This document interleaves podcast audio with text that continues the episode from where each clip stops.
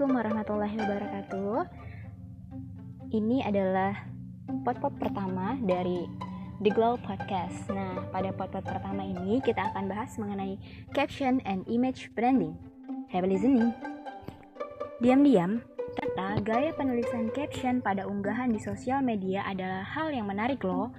Lebih lagi, hal tersebut adalah penumpahan perasaan kalau sudah berhubungan dengan perasaan, tentunya caption yang kamu buat akan terasa lebih tulus dan tidak memaksakan.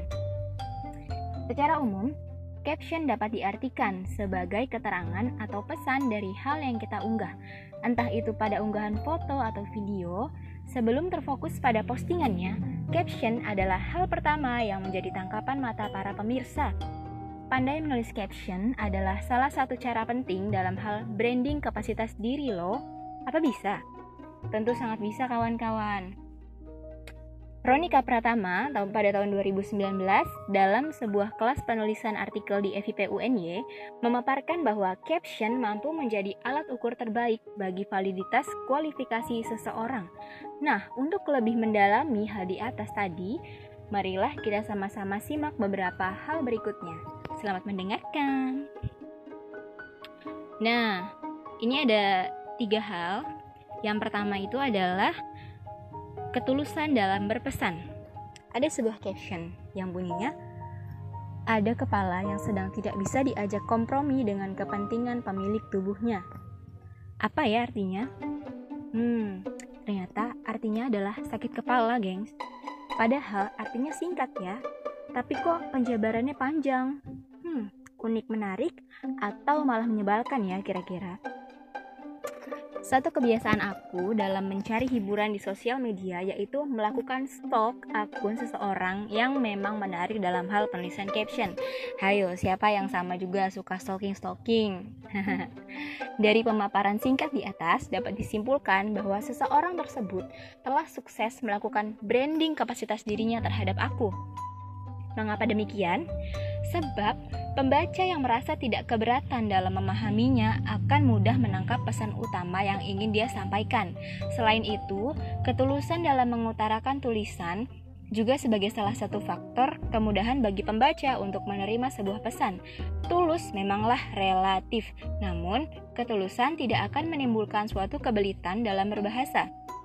Kemudian, apakah berhasil dia mempercantik gambaran dirinya di kancah media sosial?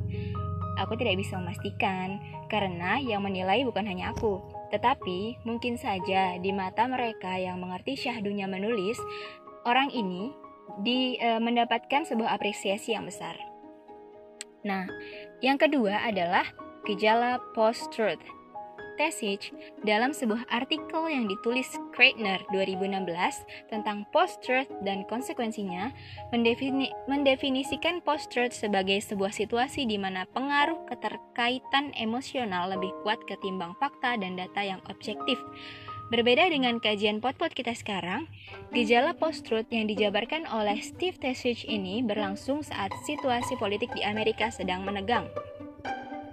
Jika disepadankan dengan keadaan media sosial dan wabah yang terjadi saat ini, Tentunya banyak sekali di antara kita yang dengan mudah merasa seia, senasib dengan quotes motivasi atau quotes yang malah mendukung kenyataan pahit yang sedang mendera hidup ini. Wow.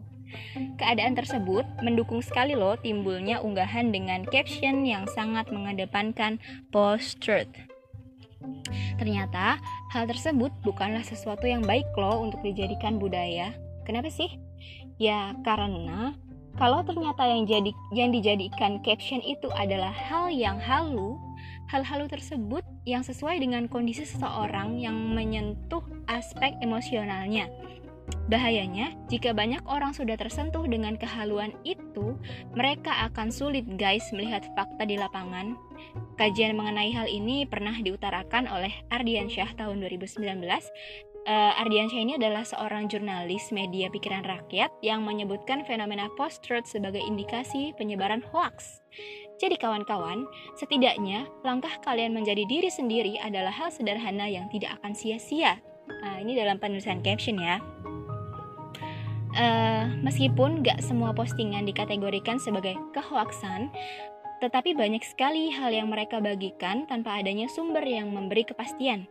Terlebih lagi, media penyebarannya adalah media sosial yang tidak bisa ditahan ketika sudah dilesatkan. Post-truth ternyata sedang sangat menjadi tren di situasi panas seperti sekarang ini. Lupakan suasana panasnya, Mari kita coba ambil sisi baik antara istilah post-truth dengan fenomena caption pada setiap postingan media sosial yang kita punya. Dan kita sudah sampai pada bagian terakhir yaitu adalah uh, caption as an image branding. Kotler 2007 memberikan penjelasan mengenai brand image yakni seperangkat keyakinan, ide, dan kesan yang dimiliki seseorang terhadap suatu merek. Loh, mereknya apa? Ya diri kita ini, kita adalah sebuah merek yang merintis citra baik di mata para konsumen, follower, listener, atau apa pun sesuai dengan sosmed yang kita kuasai. Melalui unggahan, kita bisa memberikan gambaran kepribadian diri di mata khalayak ramai. Kotler juga menyebutkan bahwa sebuah citra merupakan persepsi yang relatif konsisten dalam jangka waktu yang panjang.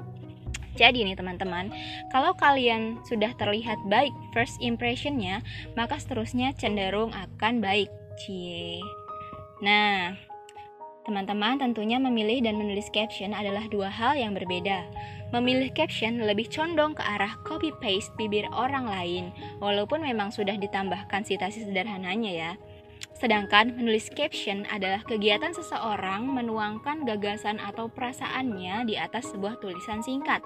Proses menulis ini nantinya akan berpengaruh pada pengukuran kapasitas pengetahuan kita oleh pembaca. Sejauh mana sih kita mengerti tentang apa yang kita bicarakan atau sejauh apa kita mampu menjabarkan keabstrakan pola pikir dan perasaan kita sendiri. Nah, demikian tiga jembatan kunci antara penulisan caption dan image branding.